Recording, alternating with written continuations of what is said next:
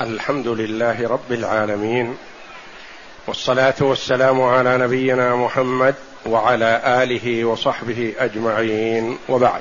بسم الله. بسم الله الرحمن الرحيم. الحمد لله رب العالمين والصلاة والسلام على نبينا محمد وعلى آله وصحبه أجمعين. قال المؤلف رحمه الله تعالى باب الوصايا. نعم. الحديث التسعون بعد المئتين عن عبد الله بن عمر رضي الله عنهما أن رسول الله صلى الله عليه وسلم قال ما حق امرئ مسلم له شيء يوصي به يبيت ليلة أو ليلتين إلا ووصيته مكتوبة عنده. زاد مسلم. زاد مسلم قال ابن عمر رضي الله عنهما فوالله ما مرت علي ليلة منذ سمعت رسول الله صلى الله عليه وسلم يقول ذلك إلا وعندي وصيتي. قول المؤلف رحمه الله تعالى باب الوصايا. الوصايا جمع ومفردها وصية. قال المؤلف مثل هدايا وهدية. مأخوذ من وصيت الشيء أصيه إذا وصلته. وصى بمعنى وصل. يعني كأنه وصل ما بعد الموت بما قبل الموت.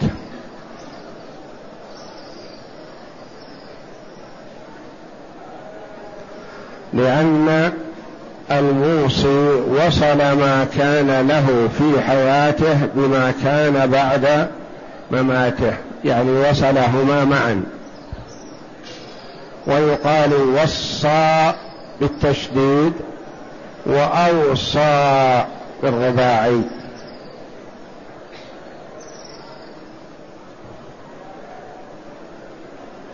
ووصى لغة في الأمر كما قال الله جل وعلا ووصى بها إبراهيم بنيه ويعقوب. يعني أمر إبراهيم بنيه وأمر يعقوب عليهم الصلاة والسلام بنيه والوصية عهد خاص بالتصرف. وصى لفلان يعني جعله وصيه يتصرف بعده. وتطلق كذلك على التبرع. يقول وصى له بكذا بمعنى تبرع له بكذا. والوصية مشروعة. كلمة مشروعة تشمل الواجب والمستحب. فالوصية مشروعة بالكتاب والسنة وإجماع المسلمين.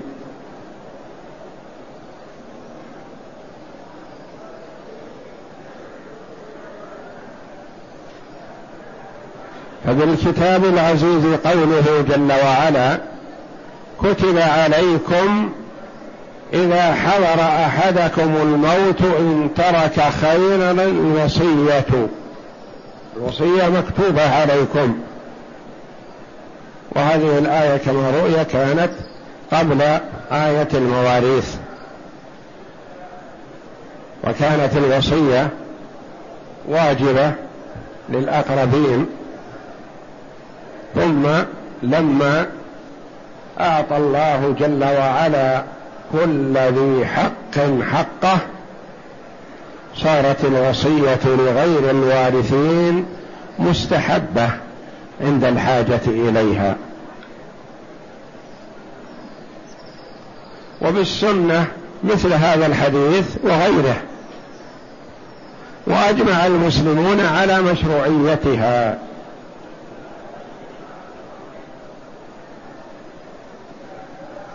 والوصية قد تكون مستحبة وقد تكون واجبة وقد تكون مباحة.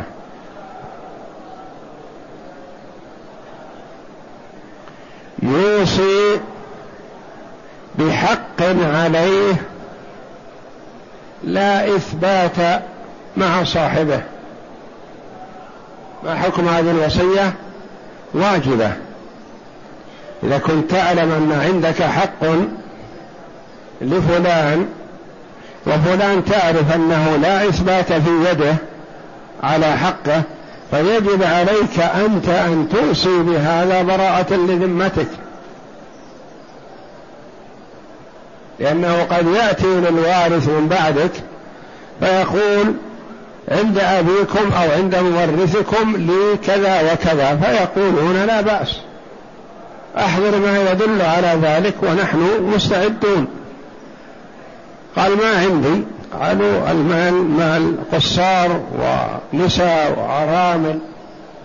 ما نستطيع نعطيك منه شيئا إلا بإثبات. فيضيع الحق في هذه الحال على صاحبه فيجب على من عليه الحق أن يوصي به. هذه واجبة وصية مستحبة إذا أراد أن يوصي مثلا للفقراء لطلبة العلم لبناء المساجد.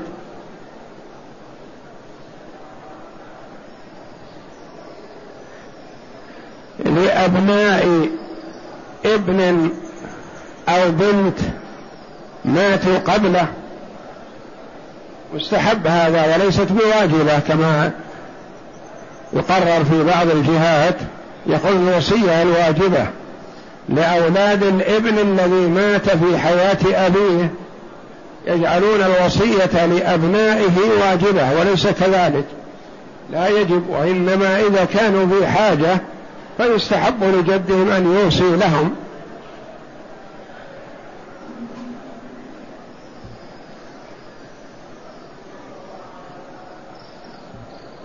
ومباحة إذا أراد أن يوصي لشخص بأن يتولى أولاده الصغار مثلا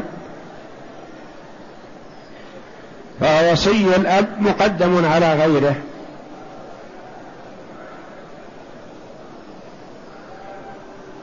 ومحرمة إذا أوصى لوارث لقوله صلى الله عليه وسلم لا وصية لوارث. ومثلها إذا أوصى بأكثر من الثلث ولم يجز الورثة فلا تنفذ. ومثل ذلك إذا أوصى بشيء بقصد المضارة على الورثة. كأن يكون الورثة أباعد مثلا عصبة وأراد أن يحرمهم من ماله فأوصى لهذا بكذا وهذا بكذا وهذا بكذا. فإذا قصد حرمان الوارث من ميراثه أثم وحرم عليه ذلك.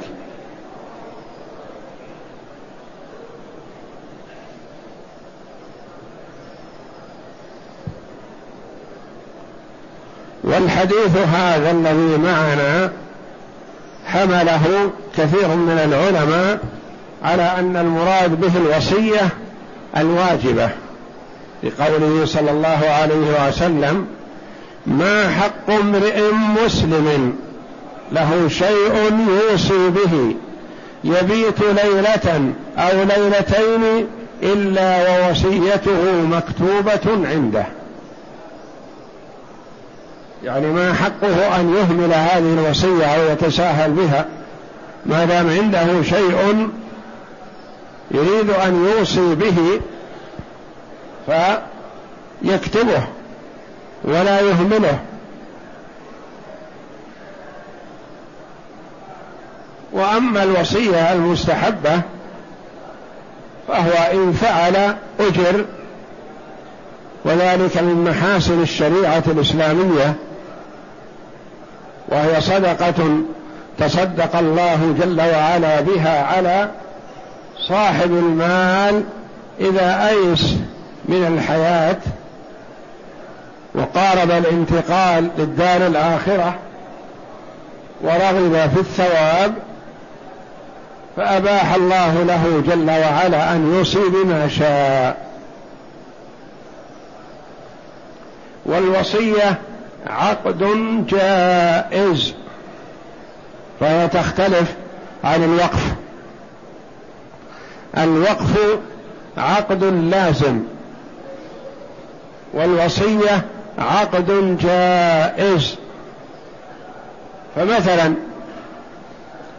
أنت اوصيت اليوم لأخيك أو لأختك.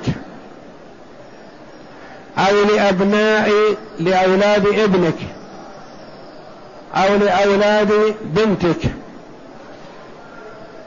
أو للفقراء والمساكين أو لطلبة العلم أو للمساجد اوصيت لهم بالثلث أو الربع أو الخمس أو السدس أو ما شئت ثم بدا لك بعد هذا أن تعدل. أخوك الذي وصيت له اغتنى. أو مات. ولا تريد أن تكون وصية لأولاده. أختك تزوجت واغتنت. أو كبر أولادها واغتنت. أو ساق الله لها رزقا من أي جهة فاغتنت فتشطب على الوصية. أولاد ابنك أو أولاد بنتك الذين وصيت لهم مثلا كبروا واغتنوا فأردت أن تعدل عن الوصية لهم تنقلها إلى غيرهم. بدل ما تجعلها لهم وهم أغنياء يضيفونها إلى غناتهم تقول أجعلها لطلبة العلم. أجعلها لبناء المساجد. لك ذلك. بخلاف الوقف فالوقف عقد لازم. فمثلا قلت هذه الأرض بعد وفاتي وصية تكون لأخي أو لأختي أو لأولاد ابني أو أولاد بنتي أو على طلبة العلم أو على تحفيظ القرآن أو على جمعية البر وصية. ثم بدا لك أن تعدل لأنك رأيتها أنها مناسبة لتبني عليها مسكن لك ولأولادك فعدلت عن الوصية. فتبني عليها مسكن ولا بأس. أو احتجت وأردت أن تبيعها. أو أردت أن تصرفها من جهة إلى جهة. أنت حر في هذا. بإمكانك التصرف ما دمت حيا. أما الوقف إذا قلت مثلا هذه الأرض يبنى عليها مسجد وقف لله تعالى. ما يسوغ لك أن تعدل فيها عن هذا لأن الوقف عقد لازم والوصية عقد جائز. الجائز لك أن تعدل فيه واللازم ليس لك أن تعدل.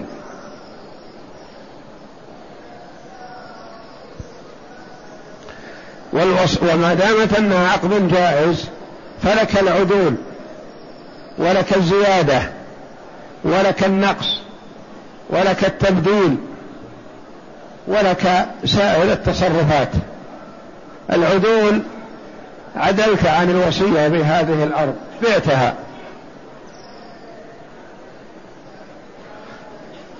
عد أردت أن تبدلها بمكان آخر. تقول هذا المكان غير مناسب للوصية. أريد أن تكون الوصية على في مكان في شارع عام. يمكن أن يستفاد منها بدكاكين ونحوها. فتكون غلتها أكثر. فتنقلها أنت بنفسك ولا يحتاج أن ترجع إلى القاضي. أردت أن تزيد فيها. قلت هذه الأرض ثم أردت أن تجعل معها أرضا أخرى.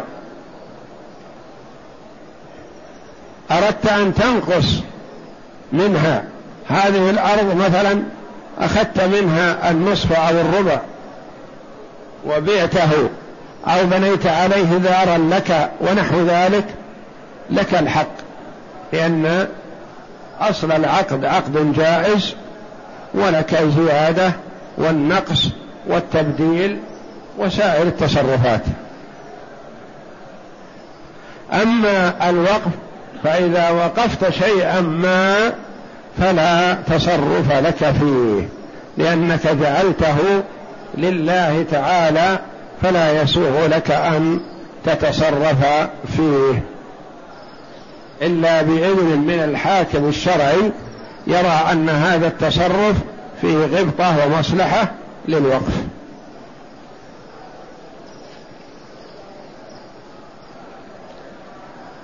زاد مسلم قال ابن عمر رضي الله عنهما فوالله يقسم. عبد الله بن عمر رضي الله عنه. ما مرت علي ليلة منذ سمعت رسول الله صلى الله عليه وسلم يقول ذلك إلا عندي وصيتي. عبد الله بن عمر رضي الله عنه حينما سمع هذا الحديث هو شاب. ما وصل العشرين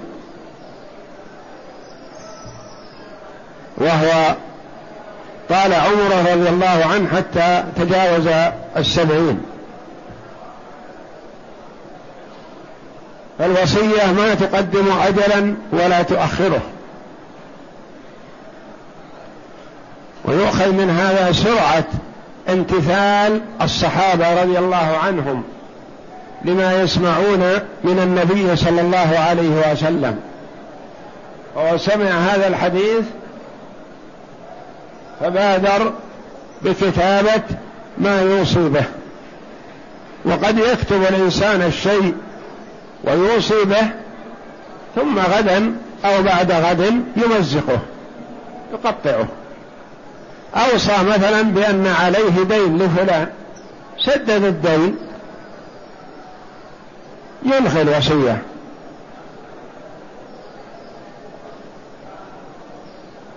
أوصى بأنه يرغب مثلا أن يتولى تزويج بناته فلان. فرأى أن أخوهن الشقيق أولى مثلا فعدل عن الوصية لفلان. كان يكون أوصى لأخيه أو لعمه أو لخاله بأن يزوج بناته. فكبر أخوهن الشقيق فعدل عن هذه الوصية لا بأس.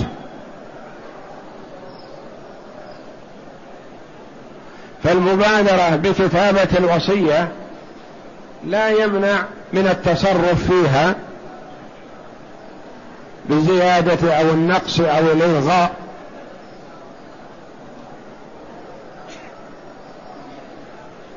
فيكتبها الإنسان خشية أن يباغته الأجل.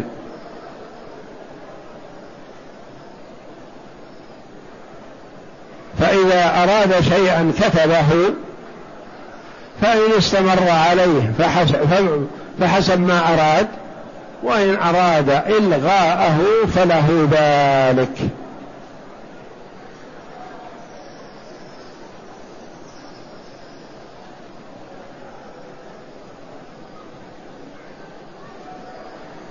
وكما سيأتينا مقيدة الوصية بأمور.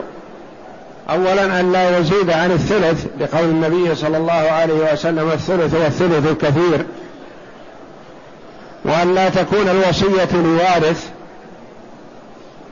وأن لا يقصد بها مضارة الورثة أو التحيل لتا... لإيصال المال إلى غير مستحقه أو حرمان من يستحقه ونحو ذلك. اقرأ. المعنى الإجمالي يحض النبي صلى الله عليه وسلم أمته على المبادرة إلى فعل الخير واغتنام الفرصة قبل فواتها. فأفادهم أنه ليس من الحق والصواب والحزم لمن عنده شيء يريد أن يوصي به ويبينه أن يهمله حتى تمضي عليه المدة الطويلة. بل يبادر إلى كتابته وبيانه وغاية ما يسامح فيه الليلة والليلتان. فإن المبادرة إلى ذلك من المسابقة إلى الخيرات والأخذ بالحزم. فإن الإنسان لا يدري ما مقامه في هذه الحياة كما أن فيه امتثال أمر الرسول صلى الله عليه وسلم. ولهذا فإن ابن عمر رضي الله عنهما بعد أن سمع هذه النصيحة النبوية كان يتعاهد وصيته كل ليلة امتثالا لأمر الشارع وبيانا للحق وتأهبا للنقلة إلى دار القرار. ما يستفاد من الحديث. أولا مشروعية الوصية وعليها إجماع العلماء وعمدة الإجماع. كلمة مشروعية يعني أنها واردة في الشرع واجبة أو مستحبة واجبة في أشياء ومستحبة في أشياء. نعم. وعمدة الإجماع الكتاب والسنة. ثانيا أنهما قسمان مستحب وواجب. فالمستحب ما كان للتطوعات والقربات والواجب في الحقوق الواجبة التي ليس بي التي ليس بينة تثبتها ليس له بينة تثبتها بعد وفاته لأن ما لا يتم الواجب إلا به فهو واجب. وذكر ابن دقيق العيد رحمه الله أن هذا الحديث محمول على النوع الواجب. ثالثا مشروعية المبادرة إليها بيانا لها وامتثالا لأمر الشارع فيها واستعدادا للموت وتبصرا بها وبمصرفها قبل أن يشغله عنها شاغل. رابعا أن الكتابة المعروفة تكفي لإثبات الوصية والعمل بها لأنه لم يذكر شهودا لها والخط إذا عرف بينة ووثيقة قوية. بعض العلماء يشترط الإشهاد عليها وبعضهم لا يشترط الإشهاد عليها يقول إذا عرف الخط اكتفى. الذين قالوا يشترط الإشهاد عليها يقال لهم ما دل الحديث على الإشهاد؟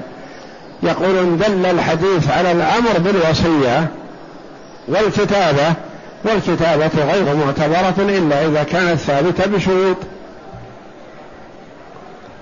الذين قالوا لا يشترط الإشهاد عليها قالوا لأن النبي صلى الله عليه وسلم ما ذكر إلا كتابة الوصية ولم يذكر الإشهاد عليها ولو كان واجبا لذكره. ولعل الأولى أن يقال إذا كانت الكتابة مثلا معروفة بخط الموسي أو بخط ثقة مثلا من الناس فتعتبر. وأما إذا كانت بخط غير معروف فلا يعتمد عليها. خشية أن تكون مكتوبة بعد وفاة الرجل. فما تكون صادرة منه. نعم. خامسا فضل ابن عمر رضي الله عنهما ومبادرته إلى فعل الخير واتباع الشارع الحكيم.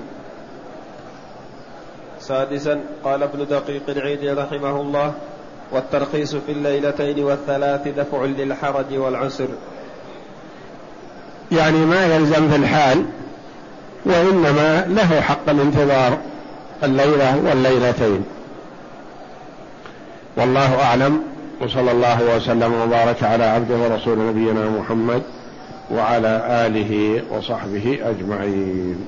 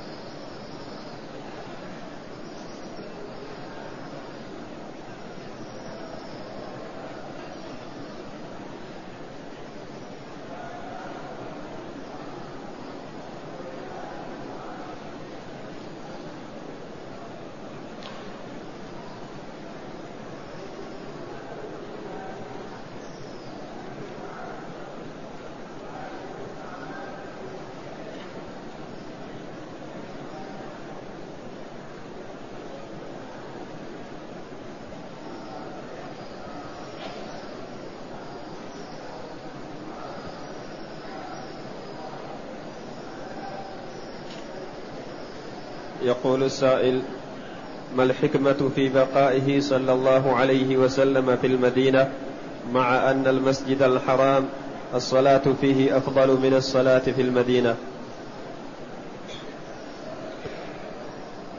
الحكمة والله أعلم أن النبي صلى الله عليه وسلم عاهد الأنصار حينما تعاهد وإياهم عند العقبة على أنه يبقى في المدينة. قالوا نخشى أنك بعد كذا مثلا تعود إلى مكة بعدما نقطع صلاتنا بالعرب تذهب وتتركنا. فقال لهم عليه الصلاة والسلام المحيا محياكم والممات مماتكم يعني أنه يبقى عندهم. وناحية ثانية هو الاستمرار في ثواب فضيلة الهجرة. لأن فضيلة الهجرة فضيلة عظيمة. ولذا قال النبي صلى الله عليه وسلم لولا الهجرة لكنت امرأ من الأنصار. كنت واحد منكم لكني لا أفرط في ثواب الهجرة. وغير ذلك من الأمور.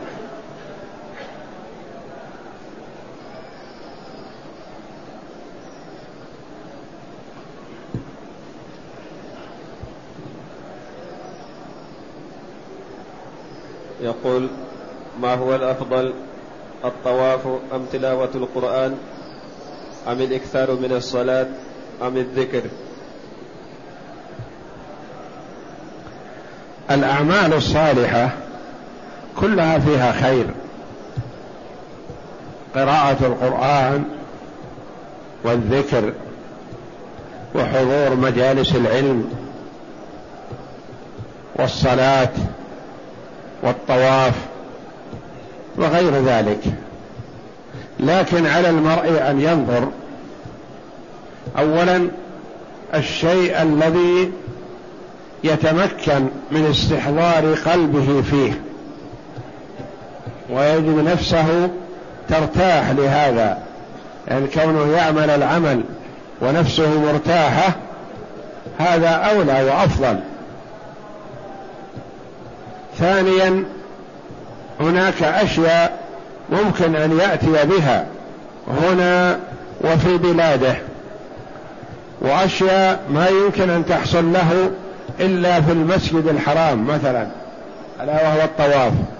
فلذا قال بعض العلماء الوافد إلى مكة يستحب له الإكثار من الطواف لأنه ممكن أن يكثر من الصلاة ومن القراءة ومن الذكر وغير ذلك في بلاده ولا يتسنى له الطواف إلا في مكة. ثم إن حضور مجالس الذكر مجالس العلم مع الطواف الطواف ممكن خلال الوقت كله خلال الأربع والعشرين ساعة بحمد الله. ومجالس العلم قد تكون محدودة في أوقات دون أوقات. فيغتنم وقت وجود الحلق فيشارك فيها ثم بعد ذلك بإمكانه أن يطوف أو يصلي أو يقرأ القرآن. ويجتهد في أنواع القربات.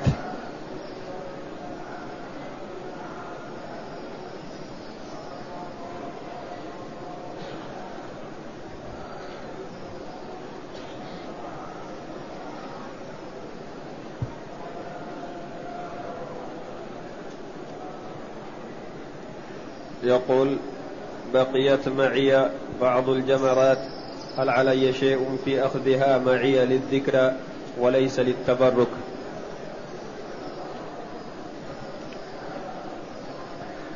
لا بأس بأخذها لكنه لا يأخذها على سبيل أنها قربة أو أنه يرى أنها فيها مصلحة فلا بأس بهذا لأن حصى الجمار كأي حصى من مكة أو من الحرم.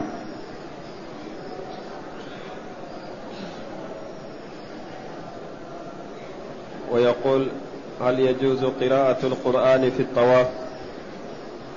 نعم له أن يقرأ القرآن وله أن يشتغل على بالأنواع كلها.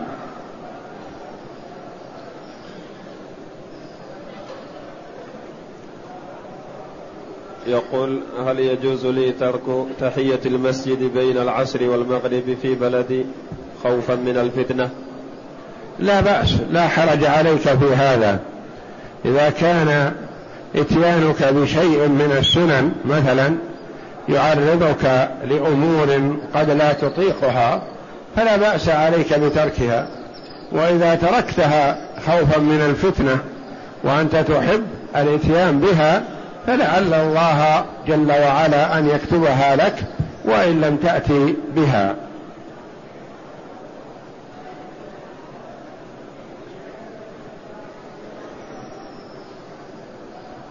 يقول سمعت رجلا يلعن معاوية رضي الله عنه في الحرم ما حكمه؟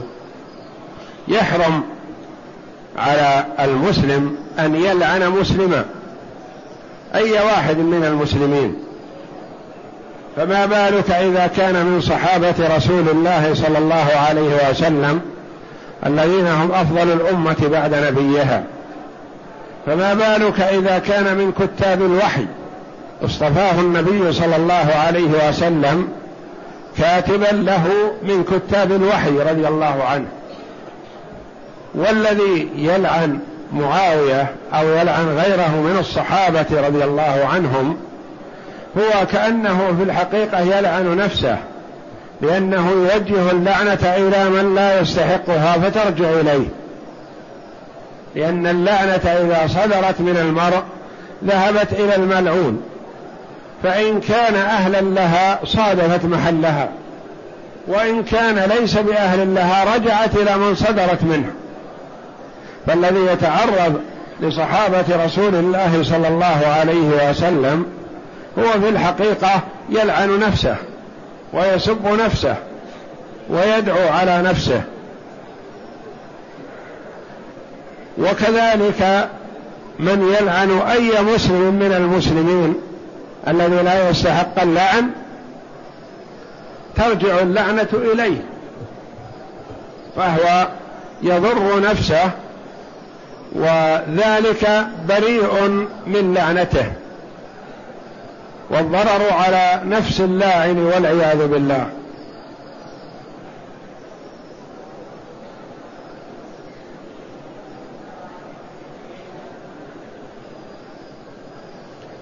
يقول ما حكم من طاف بالبيت بغير وضوء؟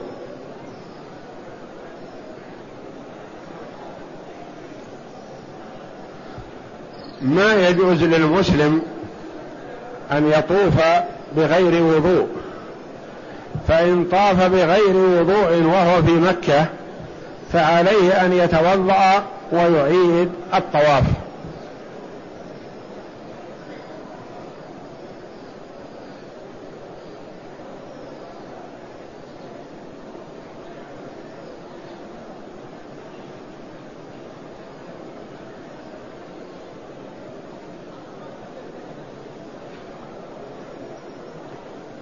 يقول قمت لمناسك الحج ولله الحمد ونويت التأجيل ولظروف العمل لم أخرج إلا الساعة الواحدة ليلا فماذا علي؟ ما أدري ماذا إلى أين خروجك الساعة الواحدة ليلا؟ ما ذكرت إلى أين خرجت؟ الخروجك هذا إلى منى أو إلى عرفات؟ أم ماذا؟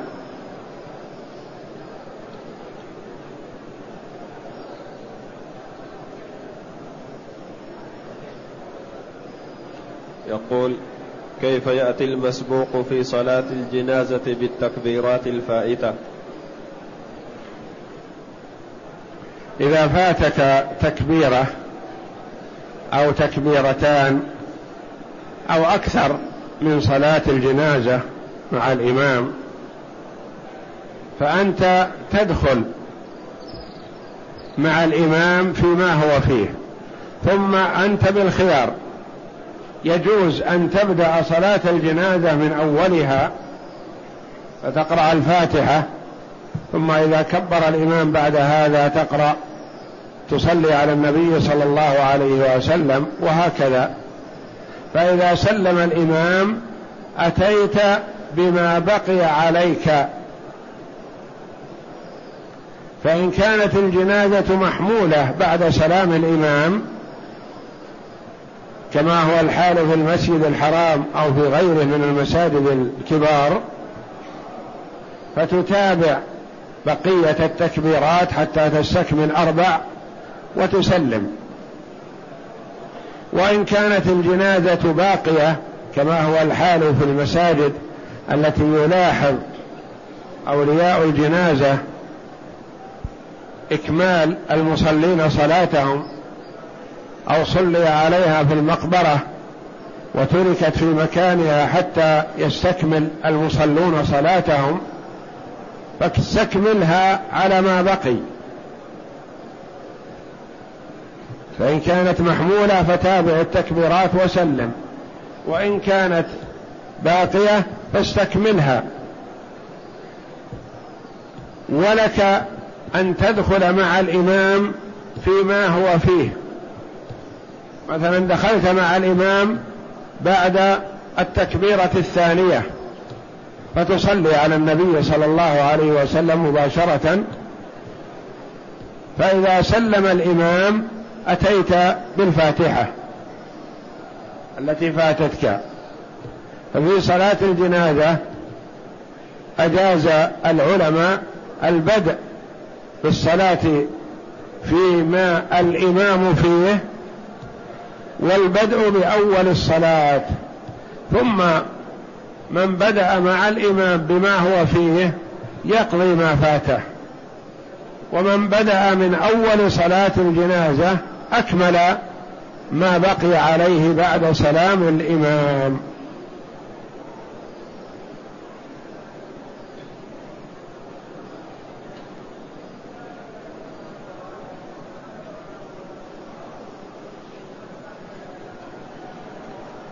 يقول بحثت عن عمل فوجدت عملا في محل تباع فيه السبح فهل يجوز بيعها؟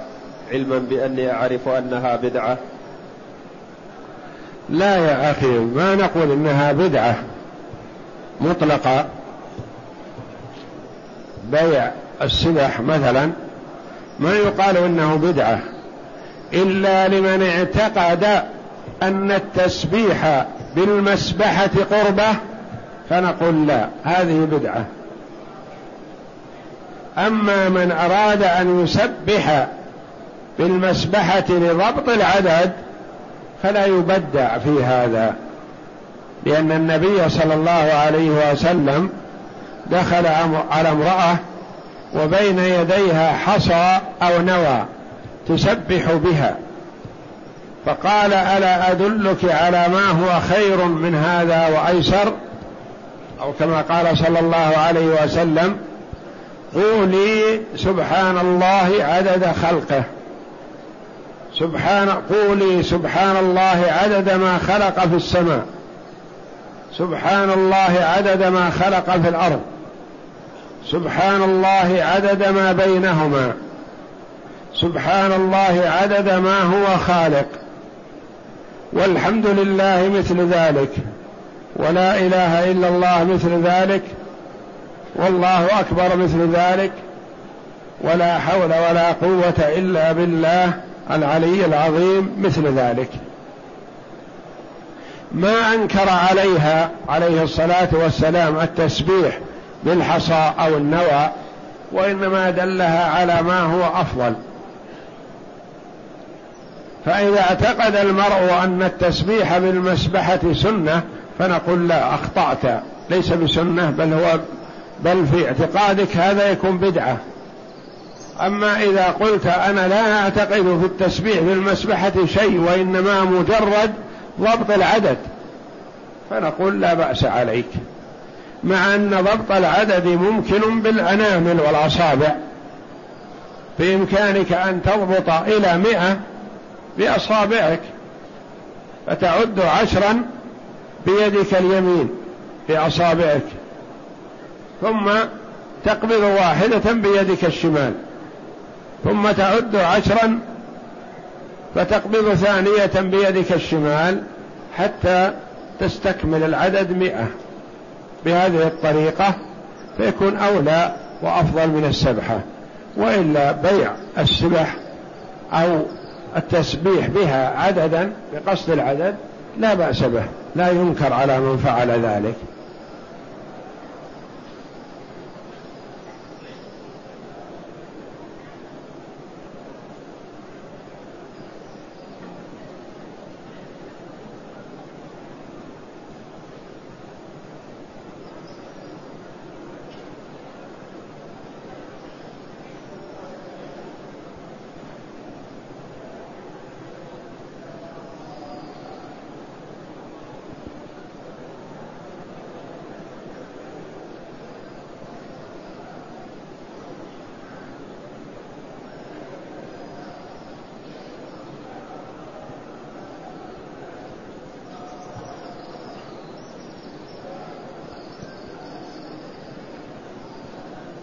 يقول هل يشرع لي أن أقرأ قبل تكبيرة الإحرام هذا الدعاء؟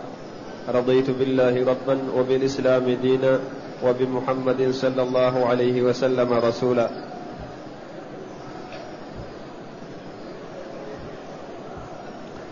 يقول هل يشرع لي أن أقرأ قبل تكبيرة الإحرام هذا الدعاء؟ رضيت بالله ربا وبالإسلام دينا وبمحمدا صلى الله عليه وسلم رسولا. لا بأس بهذا. هذا وارد بعد الأذان. والإقامة نوع من أنواع الأذان وتسمى أذان فيجوز هذا أن يقوله قبل تكبيرة الإحرام لأن هذا وارد في الأذان أن المرء إذا سمع المؤذن فقال مثل ما يقول ثم قال اللهم رب هذه الدعوة التامة والصلاة القائمة آت محمدا الوسيلة والفضيلة وابعثه مقاما محمودا الذي وعدته. وقال قبل هذا رضيت بالله ربا وبالإسلام دينا ومحمد صلى الله عليه وسلم نبيا.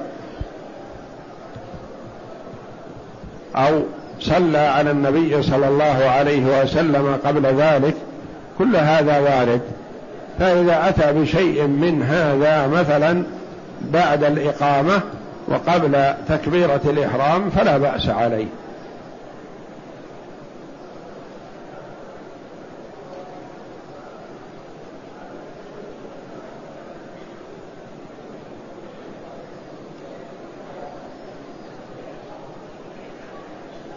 يقول ما حكم من اعتمر ونسي حلق رأسه ولبس ثوبه قبل حلق الرأس؟ إذا كان لبس ثيابه جهلا أو نسيانا ثم قصر بعد هذا فلا بأس عليه فقد أدى ما عليه. وإن كان ترك التقصير بالكلية وجب عليه هدي يذبح في مكة لفقراء الحرم لأنه ترك واجبا من واجبات العمرة.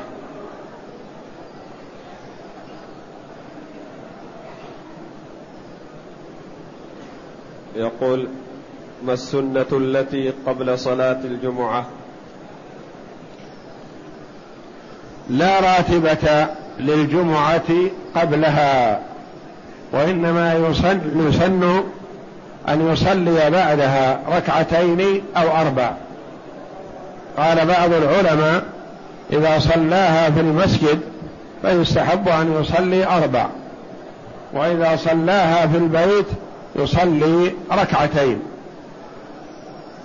وقبلها يصلي ما شاء يصلي ما تيسر له وليس لها راتبة قبلها يصلي أو يقرأ القرآن أو يدعو أو يذكر الله.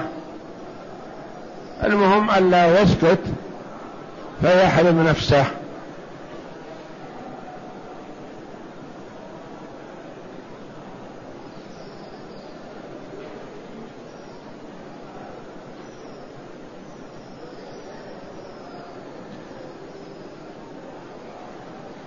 يقول هل هل للموسي أن يتراجع عن وصيته؟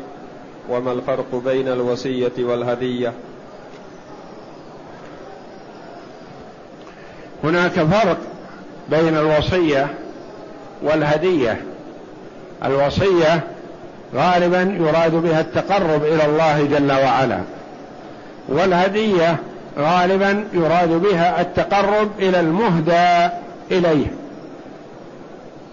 ثم إن الوصية ما تملك إلا بعد الوفاة. فللمرء أن يزيد وينقص ويبدل قبل الوفاة لأنها ما خرجت من ملكه. بخلاف الهدية فهو إذا أهداها خرجت من ملكه فلا يجوز له أن يرجع فيها.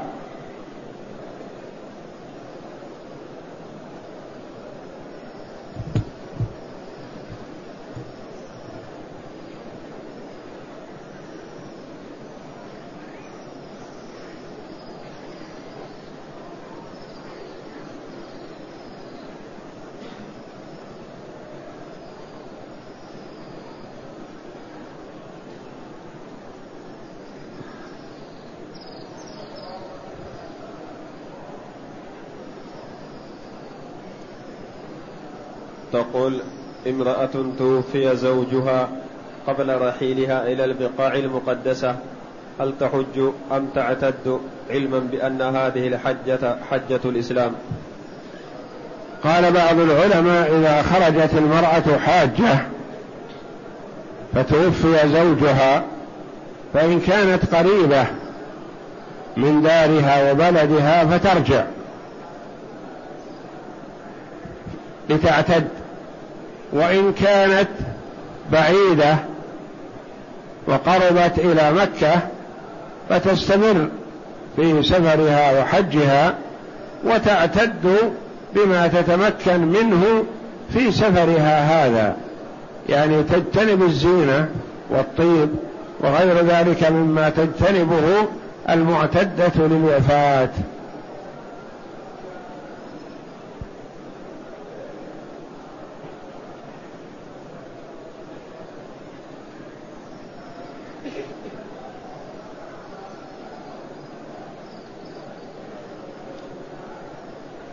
يقول ما هي الطريقة التي تنصحون بها لتقوية الهمة في طلب العلم؟ وكيف تكون الاستفادة من مجالس العلم؟ عليه اولا الإخلاص لله جل وعلا أنه يطلب العلم من أجل أن يعبد الله على بصيرة. وعليه التضرع إلى الله جل وعلا وكثرة سؤاله بأن يعينه ويوفقه لطلب العلم ويرزقه الفقه في الدين. فالدعاء نافع بإذن الله. ثم الحرص والمثابرة على التزود بالعلم. ثم البعد عن المعاصي. والإقبال على الأعمال الصالحة لأن الوقوع في المعصية قد يحرم المرء الاستفادة من العلم. يقول الإمام الشافعي رحمه الله شكوت إلى وكيع سوء حفظي فأرشدني إلى ترك المعاصي وقال أعلم بأن العلم نور ونور الله لا يؤتاه عاصي. هذا وهو الإمام الشافعي رحمه الله. يذكر عن شيخه أنه نصحه بأن يجتنب المعصية ليتحصل على الفائدة المرجوة من طلب العلم.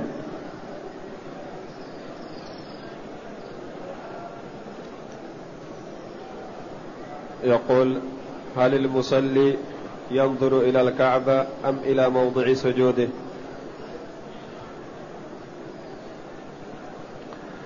المصلي في المسجد الحرام وغيره ينظر إلى موضع سجوده.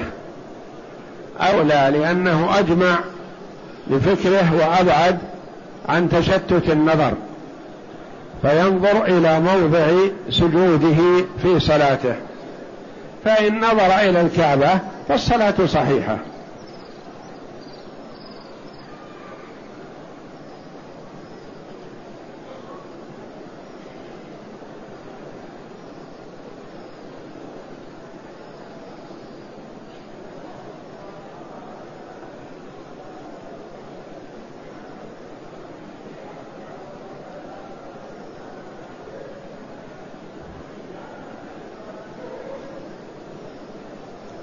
يقول هل خروج المني بدون شهوة يوجب الغسل؟ المني لا يخرج إلا دفقا بلذة وما يخرج بغير ذلك ما يعتبر منيا لأنه قد يكون ودي وقد يكون غير ذلك أو قد يكون مثلا مذي وغير هذا وما يخرج من الإنسان أنواع. نوع نجس وموجب يجب غسل أثره والوضوء منه ناقض للوضوء. ونوع طاهر ولا يجب غسله ويجب الاغتسال منه. فمثلا البول والمذي والودي هذه كلها نجسة. البول معروف. والمذي الذي يخرج عند تحرك الشهوة. والودي الذي يخرج عند البرد أو عند الإرهاق أو عند التعب في أمر من الأمور مثلا يخرج شيء أبيض من الذكر قبل البول أو بعد البول هذا لا يعتبر مذي بل يعتبر ودي وهو نجس. فهذه الأشياء موجبة للوضوء ناقضة للوضوء ويجب الوضوء منها ويجب غسل أثرها ويجب لها الاستنجاء. وأما المني فهو طاهر ولا يلزم غسل أثره. ويوجب الاغتسال ما يكفي فيه الوضوء.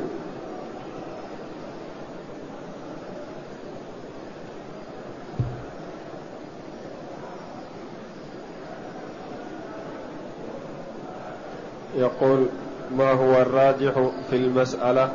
في أن في أن الوصية لأولاد الإبن وصية غير واجبة.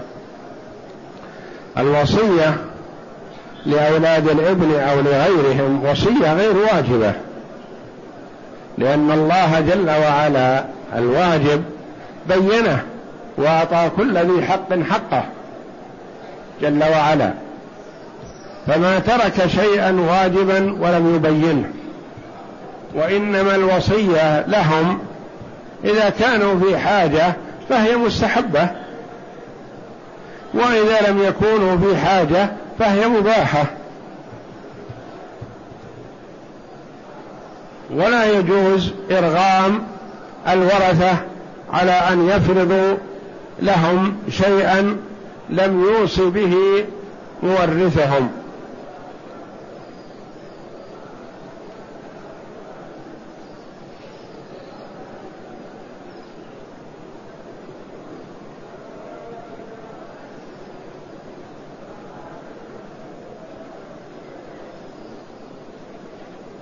يقول هل الوصية هل الوصية التي زادت فوق الثلث لا تنفذ أصلا أم تنفذ في حدود الثلث؟ الوصية إذا زادت عن الثلث فيما زاد عن الثلث يؤخذ رأي الورثة. أما ما كان من الثلث فما دون فلا يؤخذ رأيهم فيه لأن ما زاد عن الثلث عبارة منحة منهم. وكذا الوصية لوارث يؤخذ فيها رأي الورثة فإن أجازوها وإلا ردت على رأس المال.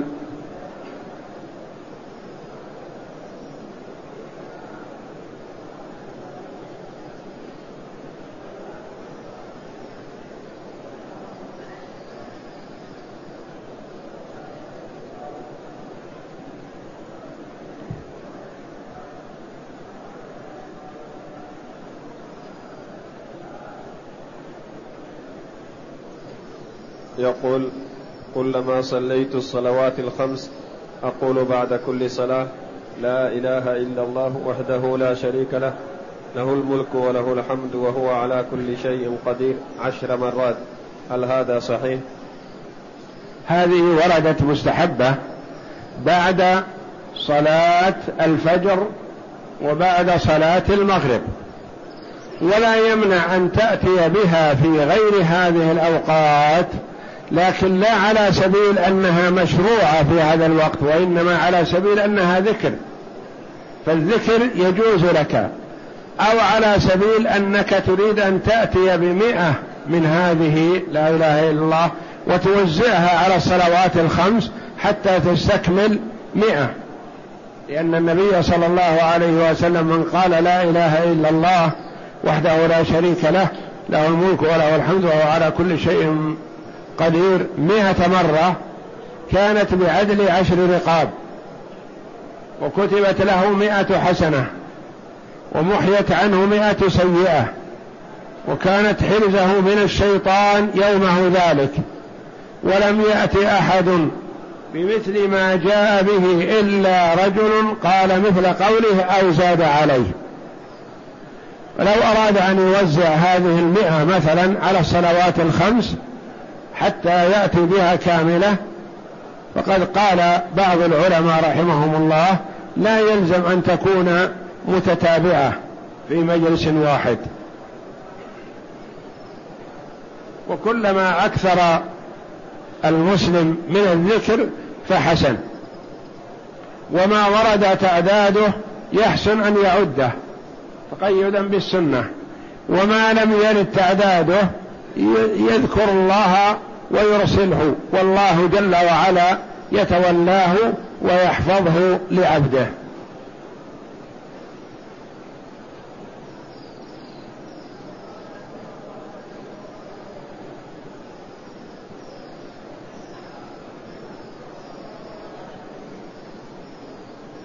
يقول ما الفرق بين السلم والبيع؟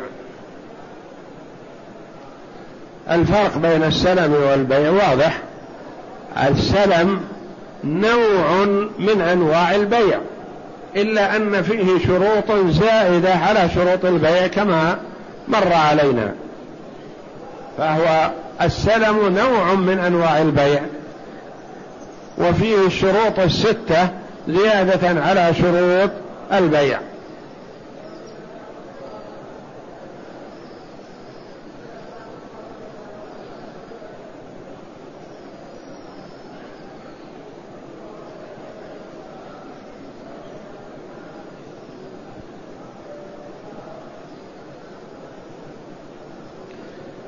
يقول من احتلم وعنده الماء ولكنه تيمم خجلا من والده حيث كان معه في نفس الغرفة ثم بعد أن خرج والده اغتسل وأعاد الصلاة. ماذا عليه؟ يحرم عليه أن يتيمم بعد الاحتلام والماء موجود وهو قادر على استعماله.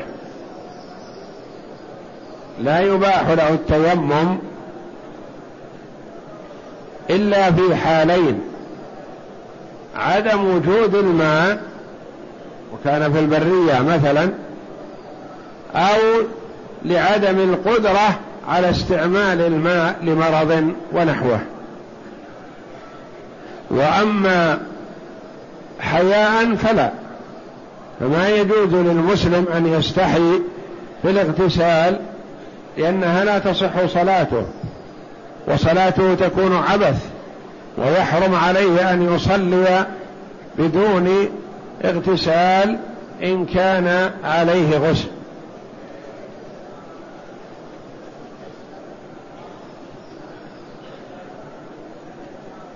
يقول هل يجوز العمل في المصارف التي تتعامل بالربا؟ إذا كانت المصارف هذه تتعامل بالربا فلا يجوز للمسلم أن يعمل فيها.